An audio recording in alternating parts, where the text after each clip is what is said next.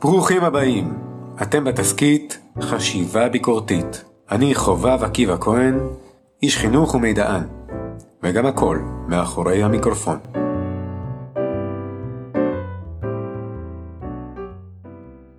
היה זה אלברט איינשטיין כנראה שאמר, לא נוכל לפתור בעיות באמצעות אותה צורת חשיבה שהשתמשנו כשיצרנו אותן. סגור ציטוט. הקריאה הזו שלו, לחשוב אחרת, קשורה לפריצה הגדולה שלו בשנת הפלאות. בחשב אחרת, ולימים זכה להכרה על פריצות דרך משמעותיות בחשיבה מדעית. איינשטיין עשה את זה, לא, אני לא מדבר על הוצאת לשון, אלא על כך שהוא הגיע לפריצות האלו דרך ניסוי מחשבה, או בשפתו Gedankenexperiment. נכון, אולי על הניסויים שלו הוא חשב לבד יחסית, אבל בצורת החשיבה הזאת הוא לא היה הראשון. ארנסט מאך, אחד המורים שהיו לו במהלך שנותיו באוניברסיטה, לימד אותו אולי גם להעז לנסות לחשוב אחרת, ואז לנסות בפועל את החשיבה האחרת בניסוי. כי כמו שאומרים, מה, מה כואב לך לנסות? הכיוון פה הוא לעשות ניסוי בדמיון. מאך פרסם את התובנות האלו, את דרך המחשבה הזאת, כבר ב-1897, במאמר שכתב. ומאז ניסויי המחשבה התפתחו הרבה בארצות הברית אצל מספר חוקרים והוגים. אבל גם הוא לא היה הראשון. עוד היוונים התחילו לחשוב על מתמטיקה וגיאומטריה, ואולי די אם מי התחיל את הניסוי המחשבתי הזה. פשוט צריך להתחיל מאיפשהו. מוכנים להתחיל בניסוי? מה לעשות, לכל אחד יש את הגילטי פלז'ר שלו. אצלי זה מארוול, אבל באמת, לא כמו כל פישר שאומר שהוא אוהב את מארוול, אבל מכיר רק את באטמן, שבכלל זה DC. אולי בגלל זה, בזמן האחרון, חזרה אצלי השאלה, מה אם? What if? למי שלא מבין מה, מה זה קשור, זו סדרה מצוירת של גיבורים של מארוול. בסדרה הזו, יש שינוי, משהו שונה באותו יקום, מהדברים שהתרחשו ביקום של הסרטים. דבר קטן אחד, שמשנה הכל. השינוי הזה יוצר שרשרת סיבתיות חדשה.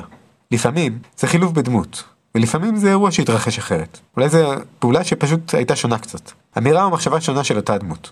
אבל אני לא רוצה לחפור על הסדרה, אלא להסתכל על הרעיון הזה כמקפצה לחשיבה. בפרק הזה ננסה להתחקות אחרי צורת המחשבה הזו, או יותר נכון, הכלי המחשבתי החזק הזה לחשוב אחרת. הכוח של הניסויים המחשבתיים כמו לזרוק חניתות לאינסוף, בעיית הטרולי, הפרדוקס של זנון, החדר הסיני, החתול של שרדינגר, התאומים של פאטנם, הדלי של ניוטון, המעלית של איינשטיין, הטחנה של לייבניץ, הכנר של תומסון והבננות הכחולות של דנט, שהן קודם כל מתנגדות לתיאוריה. זו התנגדות לצורה שאנחנו חושבים ומסבירים דרכה את העולם. אולי זה כי לפעמים תיאוריות הן כל כך משכנעות ויפות, שבאמת קשה למצוא סדקים, קשה למצוא בהם את השברים האלה. יותר קל להתאהב בהם, ולבנות מודלים, ולהתאהב במודלים. כך אהבה אינסופית. והכל ללא ניסוי שבאמת בוחן את התיאוריה בפועל. וגם אם כבר עושים ניסוי, הוא ממוסגר מאוד חזק בתוך התיאוריה. אבל יש עוד דבר יפה שאפשר להתאהב בו. שאלות וחידות. אם ניקח את זה לעולם של מארוול, זו הדרך שבה הדברים אמורים לקרות. היקום הטוב. שהכל מוכר, וטוב, נו, גדלנו אליו ולתוכו. כך לפעמים תיאוריות צובעות את כל המחשבה שלנו, ויוצרות בו היגיון סגור. ואנחנו מסדרים לפיו את העולם. אנחנו צריכים לפסוע לעבר הדרך שיכולה להיות אחרת. בניסוי הזה, במחשבה, אין צורך לערוך בפועל. לא כמו בסדרה המקום הטוב, שאלוהים מנסה לבחון בעיות מוסריות, כדוגמת בעיית הטרולי, בפועל. לא צריך לדרוס אנשים כדי לחשוב מוסר, או להיוולד מחדש כדי לחשוב על תיאוריות של צדק כמו רולס. צריך פשוט לחשוב, להרשות לעצמנו להשתתף בניסוי, או ליצור אחד. הניסויים האלו עוזרים לנו להשיג מסקנות, לחפש השערות, ולהוכיח הבנות שנראות סותרות, או פשוט לא ברור לנו מה הקשר ביניהם. זה מכשיר, תהליך מצומצם, מכוון ומובנה, שיוצר מסגור לבעיה בתחום. כך לאור הניסוי, אפשר להבין את ההשלכות הפוטנציאליות, או להתחקות אחר התולדות, או לפתח תוצאות משוכללות שעדיין לא בולטות, ושלא צפו עדיין על פני השטח. ההשלכות של הניסויים האלו יכולים לערער, להפריך הוכחות ולפסול אפשרויות. גם הן יכולות למסגר, לאשר, ואפילו להקים תיאוריה חדשה, וגם ליצור בעיות חדשות, ומתודות שלא חשבנו עליהן לפני שהשתתפנו בניסוי. הן לפעמים אולי יכולות לעזור לנו לחזות את העתיד הבלתי מוגדר. הן לפעמים אולי יכולות להסביר לנו את העבר, ויכולות לסבך סיבתיות שלא שויכה.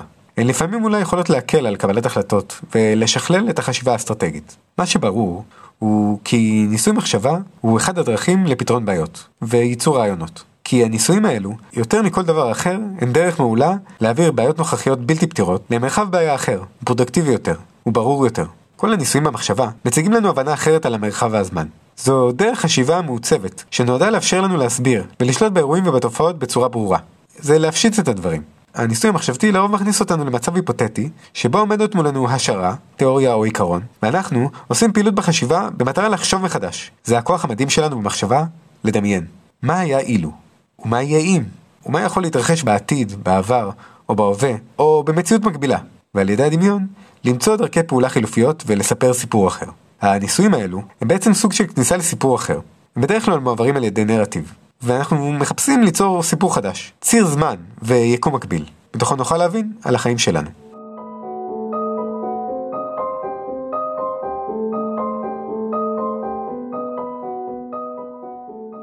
די, דיברנו מספיק. האם זה חלק מהניסוי? בואו ננסה להסביר את הניסויים המחשבתיים האלה על ידי הפעולה שהיא עושה, מבחינה אופרטיבית, ולא על ידי טקסונומיות כמו פופר ואחרים. ניגש לווריד הצוואר, ישר ולעניין. איך עושים את זה? איך הכלי הזה עובד? ולא רק בצורה היפותטית. זה פשוט כמו כל ניסוי. אנחנו מדמיינים סיטואציה שהגדרנו בדמיון, נותנים לה לרוץ, או שאנחנו מבצעים פעולה בניסוי. אנחנו רואים מה קורה, ולבסוף מסיקים מסקנה. טוב, זה הצורה הכללית. אבל באמת כדי להיכנס לכלי הזה ולצורות השונות שלו, צריך להטיל קובייה, ולבצע את הצעד שהמספר מבקש. תחשבו על זה כמו משחק בשוקולד 6. הקוביות דורשות מאיתנו פעולה. בגדול, אלו שבעה דרכים לחשוב, אבל הקריאה הראשונה היא ממילא צריכה לקרות, כי אנחנו לא רוצים לבזבז את הזמן, והיא עובדה מקדימה. עובדה מקדימה, או ספקולציה מקדימה, או אולי קדם עובדתית, פרפקשיונל. בעצם, היא לוקחת חלק בכל ניסוי אמיתי. כן, אולי אתם חלק מניסוי, אבל כשמישהו בנה את הניסוי, הייתה לו השערה. בלעדיה אי אפשר היה לצאת לדרך. אף אחד לא היה מאשר את הניסוי הזה. בכל זאת, אנחנו פה במעבדת חשיבה. רגע לפני שמריצים את המכונה, עושים את הטסט. אנחנו משערים את התוצאות העתידיות האפשריות. מה התוצאה תהיה אם א' יתרחש? זו השאלה ההיפותטית הראשונית. מה, מה עלול לקרות אם? או במילה אחרת, מה אם? כלומר, הספקולציה היא מה יקרה לפני שמשהו אשכרה קרה. מה שמיוחד בניסוי הזה, זה שהוא מבוסס על עובדות ועל תיאוריה, והוא פשוט מריץ את המחשבה, כדי לבדוק שהכל במקום, ולא טעינו. ככה חיכינו עשר דקות והטוסט לא מוכן, כי אולי לא חיברנו אותו לחשמל. זה עוזר לנו לחבר את הטוסטר לחשמל. אז בואו נתחיל בניסוי, בקובייה שלנו. הפאה מציגה את הספקולציה הראשונה, העובדה המתריסה, הקונטרה-עובדתית, counterfactual. כן, העובדות מעניינות אותנו, אבל איפה הקאץ'? אנחנו מחפשים את הקונטרה, את השונה, את ההפוך. כך ננסה לחשוב בניגוד לעובדה, או לתנאים שאנחנו מכירים, אבל חשוב שזה עדיין יהיה סביר. ב-What If הוא מאשר הרבה פעמים מה היה קורה אילו.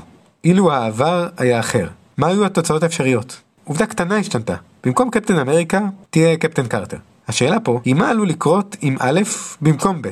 כך נגיד, אפשר לשאול איך העולם היה נראה אם רבין לא היה נרצח. או אם את האש היו מגלים קצת יותר מאוחר. או מה היה מצב העולם אם לא היו ממציאים את הדפוס. או שסין הייתה משתלטת על העולם. ותרגישו חופשי לדמיין דברים אחרים. או לבחון מחדש את כל גלגולי ההיסטוריה. זה כמו כל סיבוב במשחק, חברה שלך סבבה והכל. בקיצור, מה אם, מה שהיה, היה קורה אחרת. הניסויים האלה, בהקונטרה, עוזרים לנו להבין השלכות פוטנציאליות של אירועים ודברים. כך ניתן לארגן מחדש את הידע שלנו, ולהתוות דרך חדשה, ואפילו להשיג מסקנות חדשות, דרך יציאה מהנרטיב המוכר, על ידי שינוי קטן אחד, שנותן לנו קונטרה, או סוג של התנגדות, לכל התנאים והעובדות שאנחנו בדרך כלל חושבים. בואו נעשה חצי צעד קדימה, ונטיל שוב את הקובייה. נחתנו על עובדה למחיצה. Semi-factual. ניסוי מחשבה סמי עובדתיים זה מה אם זה משולשים חופפים, אבל הם כבר במרחב אחר. הם לא אותו משולש. בחצי עובדה יש דמיון, ואפילו זהות, והשאלה פה בניסוי היא באיזו מידה היו דברים יכולים להישאר זהים, למרות עבר שונה. התהליך שהוליד אותם שונה. אם רבין היה לובש שכפ"ץ, האם עדיין היה נרצח? או אם הייתם מוודאים שהשקע בחשמל, האם עדיין הטוסט לא היה מוכן? רמז, אולי הייתה הפסקת חשמל? הניסויים האלו יכולים לעזור לרופאים לחשב הצלחה של ניתוחים, ובכלל כל מיני ניסויים ברפואה. כן, וגם חפיפת משולשים ואנשים, כמו שליחת תהום לחלל ומחשבות על חזרה בזמן. המשחק או הניסוי מתקדם, בואו נטיל שוב קוביה. Predictive. הגענו להטלת החיזוי. אם עד עכשיו הסתכלנו אחורה על התהליך, או העובדה עצמה, עכשיו נסתכל קדימה, ודרך חשיבה מודולרית. המטרה היא לחזות, לחשוב עתיד, כלומר ננסה להשתמש בניסוי שלנו בנתונים, במודלים, וגם בהיכרות עם עקרונות וחוקיות. כל אלה יכולים להנחות אותנו. את הטלת החיזוי אפשר לעשות בשתי צורות, או לחזות על בסיס העקרונות והחוקיות בטבע, ככה אנחנו מחברים את כל מה שאנחנו מכירים לחוקיות. והחיבור הזה בעכשיו עוזר לנו גם להבין את העתיד. לרוב החיפוש בחיזוי הזה הוא של התפתחות קרובה, הדבר הבא בסדרה, ולא העתיד הרחוק. נגיד יורד גשם שיש עננים כבדים ושחורים. לכן, אם העננים נשארים באזור, יש סיכוי גבוה שיהיה גשם, גם מחר. האפשרות השנייה היא שימוש במודלים, ובנתונים. כדי לחזות התפתחות של תופעות מורכבות. אולי כך אדם מצליח לכתוב סינית בחדר סיני. בעזרת רשימה של הוראות הפעלה של טוסטר, נצליח להכין טוסט, גם אם לא הכנו אותו מעולם. יש לי מודל, או נתון ברור, כך אוכל להסיק ממנו את החיזוי המקדים, הקודם, והעכשווי. זו אולי שיטה הידועה ביותר לעשות משחקי מלחמה בפנטגון. ובעצם כל דבר שהוא מורכב, הניסיון להפשיט, לגלות תבניות וחוקיות, או לבנות מודל, ובעצם השימוש הזה במודל הזה הוא עוד ניסוי מחשבה, רק את התיאוריה בודקים גם בשדה. בואו נמשיך בניסוי, ונטיל שוב את הקוביות. נחתנו הפעם על צעד תימני, הינדקסטינג, או הטלה אחורית. זה לרוב עובד כהשלמה לאחר החיזוי, וזה אומר רגע לעשות כמה צעדים אחורה, לפני שעושים צעד קדימה. זו הפעילות שאנו עושים כדי ללמוד. ההעברה הטלה האחורית כוללת הפעלת מודל. זו תחזית לאחר שקרה האירוע. זו הבדיקה שמטרתה לבדוק האם ההדמיה של המודל הייתה תקפה. ובעצם, בניסוי המחשבתי הזה, ראינו מודל. לקחנו לדוגמה, בחשיבה פילוסופית, את התפיסה התועלתנית, ואת התיאוריה, ומה אמורים לעשות בכל מצב. והצבנו אותה לאחר מעשה, ברכבת וסכנת דריסה של אנשים. אני מתכוון כמובן למבחן הטרולי. ואז ניסינו לראות אם היא תקפה. האם זה נכון? האם התועלת נכונה? האם מירב האושר למירב האנשים, כמובן הכל בהכללה גסה, עזרה לנו בפועל כשהגענו לדילמה? זה כמו, האם הטוסט מוכן, לאחר שהשתמשנו בהסבר של הוראות השימוש, שאימא השאירה למקרר. כן, הטוסט מוכן. כדי להתקדם בניסוי לתחנה הבאה, צריך לזכור כי אמנם יש קובייה, אבל לרוב זה לא רק מזל. זורקים את הקובייה, הטלת צעדים, רטרודיקציה, או פוסט-דיקציה. זה התחנה הבאה, זה מקום לחשב צעדים. כמו בשולי מוקשים, צריך לזוז בזהירות, תזוזה אחורה, בצעד אחר צעד. אבל הפעם לא כדי להוכיח את המודל, או חוקיות, אלא לשים לב לשלבים ההכרחיים. זה הניסיון לחזור מההווה לאיזה עבר משוער, כמו באפקט הפרפר, ולבחון את הצעדים. ויותר מכך, אפילו לקבוע מהי הסיבה הוודאית, לדבר או לאירוע. הניסוי הזה, הפעולה הזאתי, זה הזמן לחלק לשלבים, להבין מה קריטי, ומה שרשרת הסיבה. זה עובד טוב בזיהוי פלילי, וחיפוש אחר ראיות מנצחות. זה הזמן לחשוב בדיעבד. כשאנחנו במבוי סתום, לעבור שוב על הנתונים, על התצפיות, על האירועים, ולהסיק על התהליך. זה האיזון העדין שיש בו הרבה מספרי הבלשים, בין חיזוי להבנה בדיעבד. זה לזהות את המחלה, והשלבים והתסמינים, ורק מתוך כך לשתף את החולה, וליישם טיפול ספציפי ומוכוון. אם רוצים לחזור לטוסטר, זה להבין מה השלבים הקריטיים, כדי שהטוסט יהיה מוכן. אולי זה בעצם לבנות את התרשים, שאמא הכינה, כדי שנכין את הטוסט הטוב ביותר בשכונה. אנחנו בדקה האחרונה, ואנחנו לא יודעים איך ייגמר הניסוי. הקוביות מכות בשולחן. ולקובייה מופיעה הטלה קדימה, Backcasting. אם עד עכשיו השארנו מקום לעתיד להיות כחיזוי, זה המקום לצמצם את העתיד. לצמצם את התוצאה. אנחנו צריכים לתאר מצב עתידי מאוד ספציפי ומוגדר. זה כמו לשלוח קולות רדיו לחייזרים. מסר אחד וברור ששולחים לעתיד מוגדר אחד. אחרי שקבענו איך העתיד ייראה, זה הזמן לעשות תנועה דמיונית אחורה בזמן. צעד אחרי צעד בכל השלבים, אלו שנחשבים להכרחיים. הניסוי הזה עוזר לנו להגיע מהעתיד להווה, והוא חושף לנו את המנגנון שבאמצעותו נוכל להשיג אותו, את אותו יעד ספציפי, מההווה שלנו קדימה. זה לא חיזוי, כי בעצם זה ניתוח לאחור, כדי להגיע לעתיד רצוי. זו עבודה לאחור, מתוך ראיית עתיד ברור. זו התערבות בעתיד, כי כדי לקנות דירה, אי אפשר לא לחשוב על עתיד מוגדר של דירה. צריך לעשות הרבה שלבים כדי להגיע למטרה הזאת. אז מה היה לנו? ספקולציה מקדימה, ספקולציה מתריסה, ספקולציה כמעט זהה, והטלת חיזוי. הטלה אחורנית, הטלת צעדים, והטלה קדימה. פשוט צריך לעשות איזושהי פעולה. לשאול שאלה, לשנות עובדה, לחפש מציאות מקבילה. אולי להשתמש במודל, ואפשר גם ללכת אחורה עם המודל. אפשר לפרק את התהליך לשלבים אחורה, או לדקור נקודה בעתיד. Try again. התחלנו את הניסוי בלשאול על המוכר, האם זה נכון? ואז שאלנו האם זו התוצאה? משם קפצנו ל... להאם משהו ממה שחשבנו היה שונה. משם התקדמנו בניסוי לשאול התהליך. אם התהליך היה שונה, וכל העובדות היו אותו דבר, מה היה קורה? האם תהליך שונה משנה את העובדות, או שהעובדות אותו דבר? משם חשבנו על התפתחות הקרובה, להשיק מודל, לחקור את הדבר הבא, או לעשות את זה על בסיס היכרות וחוקיות ידועה. משם חזרנו לוודא את המודל, ואז חיפשנו צעד אחרי צעד את הוודאות בסיבת העבר. ולבסוף קבענו בעתיד נקודה אחת, והחשבנו את הצעדים אחורה כדי להגיע אל אותה נקודה. אולי זה עדיין נשאר כללי. זה עדיין מרגיש די ניסיוני. הקובייה משתגעת ואנחנו נזרקים במרחב ובזמן בתוך רצף ניסויים בלתי נגמר. אז אולי, כדי למקד אותנו, נלך רק לפילוסופיה. בפילוסופיה אוהבים ניסויים מחשבתיים. הניסוי המחשבתי בפילוסופיה מציג בדרך כלל תרחיש מדומיין, מתוך כוונה לעורר תגובה אינטואיטיבית, קודם כל אינטואיטיבית, או במטרה לנמק טענה, ולחשוב מחדש, בעזרת האופן שבו הדברים נמצאים ומובנים בניסוי. הניסוי לא רק ממחיש היסטוריה, או תופעה, אלא בפילוסופיה הוא מביא לנו את מהות הרעיון. מהות הרעיון בכל תרחיש. הכיוון במרבית הניסויים האלו הוא לא רק להצביע על מקרה בוחן, אלא לייצר הבנה גדולה, דרך הסכמה אוניברסלית, לגבי האינטואיציות שהניסוי המחשבתי הזה מעורר. לרוב, השאלות האלו בפילוסופיה חוזרות לשאלה המרכזית, מה היינו עושים? ובמובן הרחב, איך היינו מתנהגים? טוב, אני לא אפסיק לנסות. אני לא יודע מה איתכם, אבל האם אנחנו בסימולציה? אז למי שתהה, התשובה היא לא. באמת, אין קונספירציה מטומטמת מזו. זה שיש משחקי מחשב וארקייד וגיימבוי וקונסוליות ואפילו מציאות מדומה ורבודה, זה לא אומר שאנחנו במשחק מחשב. לא כל המשחקים רוצים לשבור את הקיר הרביעי. ובייחוד, לא העולם והמציאות. קשה להכיר במציאות, נכון? אבל אולי זה באמת נותן לנו להבין כי אנחנו חווים את החיים לפעמים כמשחק. אולי זה פשוט הדרך שלנו, לשחרר, ולאפשר יותר ניסויי מחשבה, לעורר שאלות, לחפש איזו התקדמות כלשהי במרחב ובזמן. רוצים לחוות ולנסות ככה את העולם?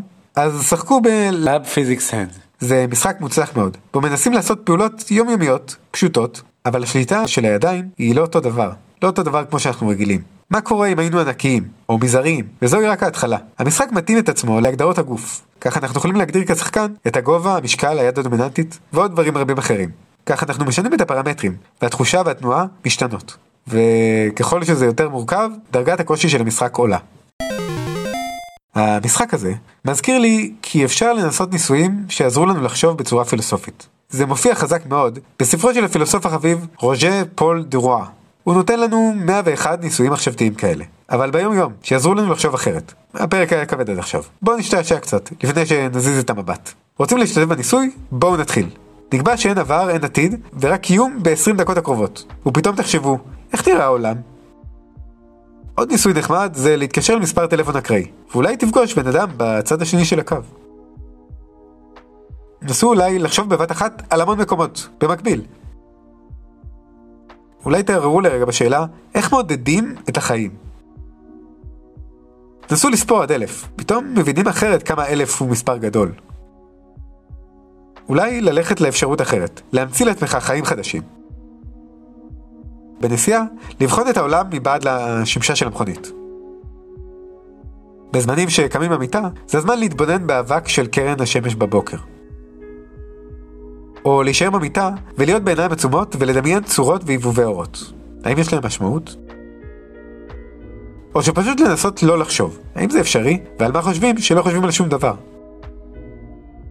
אם כבר יוצאים מהבית, ופתאום פוגשים חבר אחרי כמה שנים, איך זה מרגיש להיפגש בעבר? אולי זה לקרוא עיתונים קצת אחרת ולהמציא כותרות לחדשות. נסו, ואני רוצה לראות אתכם, אחרי שאתם מנסים לקטר במשך עשר דקות ברצף. אולי לחשוב לרגע שזו טעות די מוזרה שהאנושות נוצרה, ומה היה קורה בלעדיה? אולי זה כמו שאני עושה עכשיו, שאני עורך את הפרק, להקשיב להקלטות של הקול של עצמך. אולי זה יותר פשוט, אפשר להיקשר לחפץ ולתת לה משמעות, ולחשוב מהעיניים שלו. או פשוט מה אחרים היו עושים, באותה סיטואציה שאני נמצא. טוב, ניסינו להסביר את זה בפעולה, ואולי לרגע ניסינו להשתעשע ולהבין את הניסויים האלה מתוך ניסיון החיים. אבל כל הניסויים ביום יום, והדיבור על המשחקים האלו, מזכיר לי עוד רגעים של יקומים מקבילים במארוול. או יותר מדויק, ספיידרמן המצויר, ויותר מזה, הפרק של פמילי גיא. בסטוי ובריין עוברים מעולם לעולם, מיקום ליקום, ומסוג אחד של אנימציה לאחר. אפילו לרגע מגיעים לעולם האמיתי. היקום המקביל, ובעצם השאלה, היא על אופי הדמיון. מה אנחנו מדמיינים אם אנחנו באנימה או בעולם מופשט? בעולם שבו יש רק צבעים, או בעולם של שחור לבן. בעולם אנכי, או עולם בצבע נגטיבי. זה עולם מדומיין. כמו שהבינה יודעת לעשות, רק צריך כמה מילות קוד ונוצרת לנו תמונה, דימוי. וכאן, אפשר באמת להתחיל בניסוי. להתחיל במשחק מדומיין, לדמיין עולם, ושרשרת סיבתיות חדשה. לראות את הסרטון ולהיטמע בעולם, ולצאת להרפתקה בעולם חדש מופלא.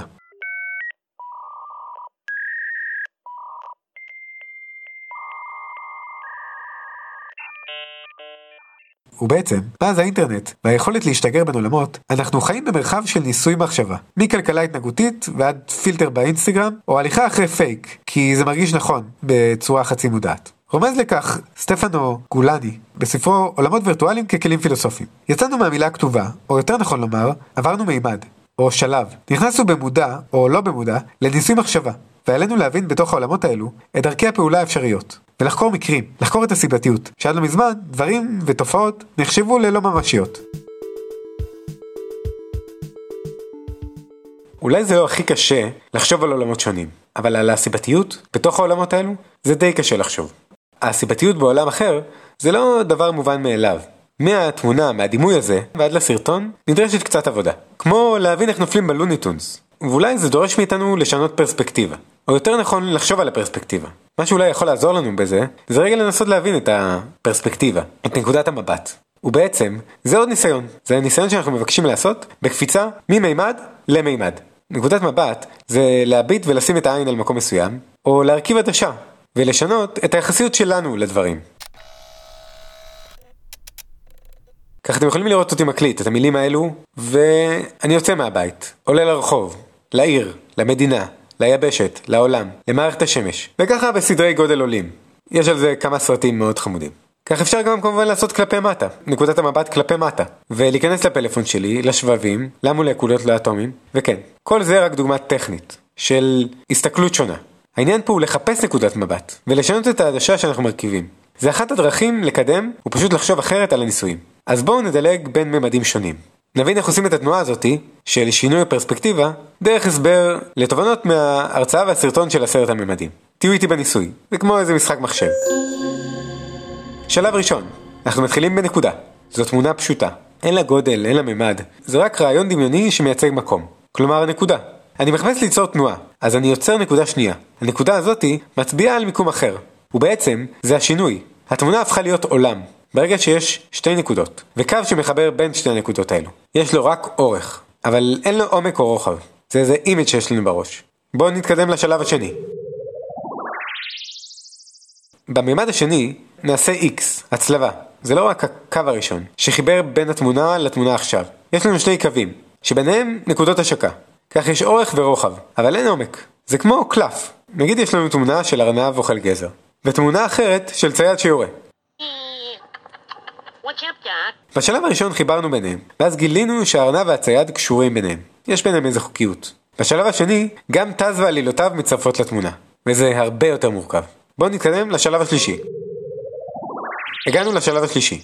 אנחנו כבר בספייס ג'ם. זה כמו בעולם שלנו. לכל דבר יש אורך, רוחב, גובה ועומק. אז יש לנו שתי תמונות שיצרנו אורך, ארבע תמונות שיצרו לנו רוחב, וקו נוסף שיוצר לנו עומק. כך אפשר לתאר את ספייס ג'ם.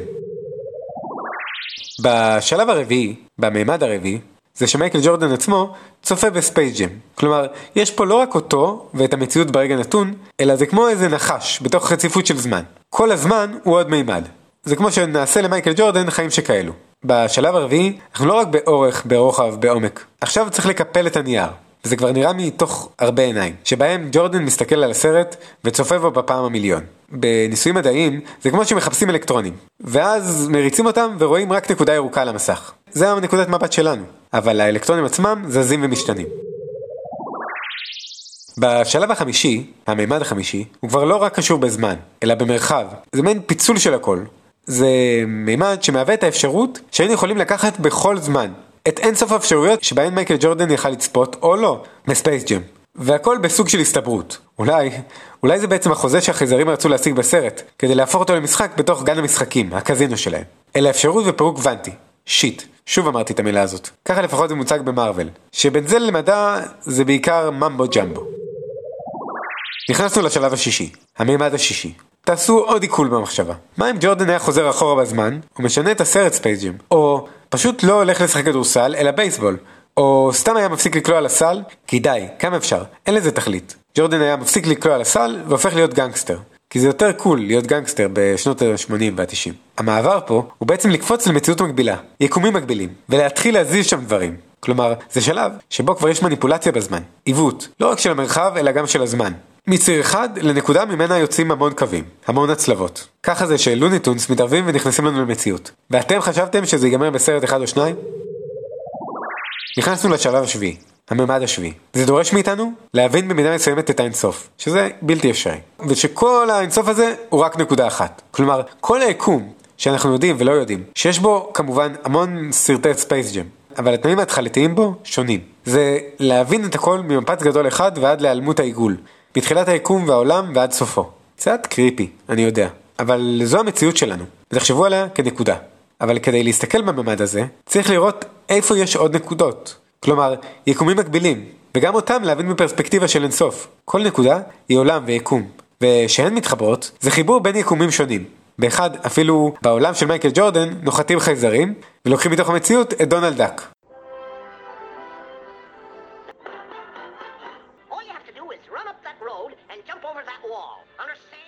טוב, קצת אולי איבדנו פוקוס. מרוב להסתכל קרוב רחוק קרוב רחוק. אולי די עם כל התיאוריות וההיפותזות. כן, יש עוד שני ממדים, שהיינו יכולים לקפוץ ביניהם ולראות דברים בפרספקטיבה אחרת. אבל כבר זה מרגיש שאיבדנו אחיזה. ואנחנו כבר לא מסתכלים באמת, אפילו לא כניסוי מחשבה.